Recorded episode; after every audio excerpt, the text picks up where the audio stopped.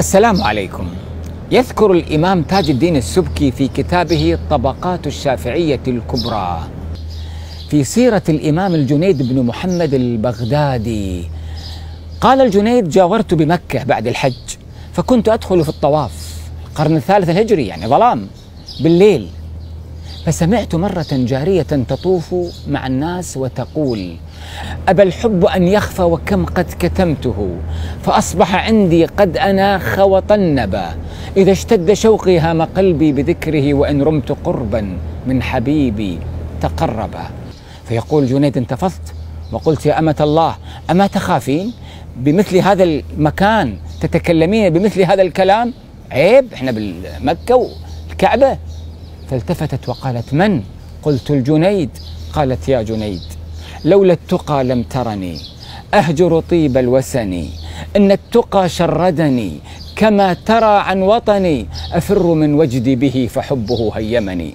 يا جنيد أنت تطوف بالبيت أم برب البيت؟ قال بل أطوف بالبيت. قالت سبحانك قوم كالأحجار يطوفون بالأحجار. ثم قالت يطوفون بالأحجار يبغون قربة إليك وهم أقسى قلوبا من الصخر. إلى آخر الأبيات. ما الذي تريد أن تقول هذه المرأة الصالحة؟ تريد أن تقول يا ناس العبادة لا يكتفى فيها في مجرد الأداء من غير حضور حال وأشواق واستشعار حتى تنعكس على جوارحنا. ثم تريد أن تقول الذي لم يمتلئ قلبه حبا لله سبحانه وتعالى لن يعش لذة العبادة. لذلك دائما نطرح سؤال إحنا نعبد الله سبحانه وتعالى خوفا منه ولا حبا فيه ولا رجاء. الشخصية المتوازنة تمشي بالخطوط كلها.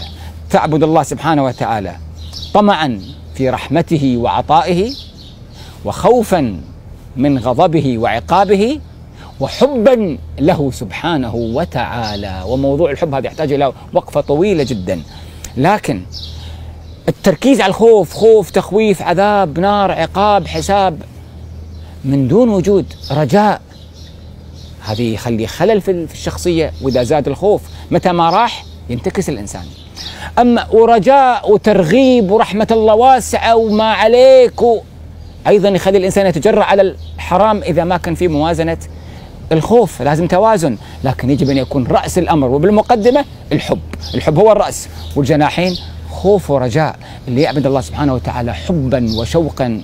مع موازنة الخوف والرجاء هو الذي يثبت على الصراط المستقيم ويجدد إيمانه ويستنهض همته في الإقبال على الحق سبحانه وتعالى. رزقني الله وإياكم التوازن في أن نعبد الله سبحانه وتعالى خوفا ورجاء وأن يعمر قلوبنا الحب في هذا الاتجاه إلى السماوات العلى برفرفات روح صادقة في مثل هذه الأيام الطيبة. شكر الله لكم.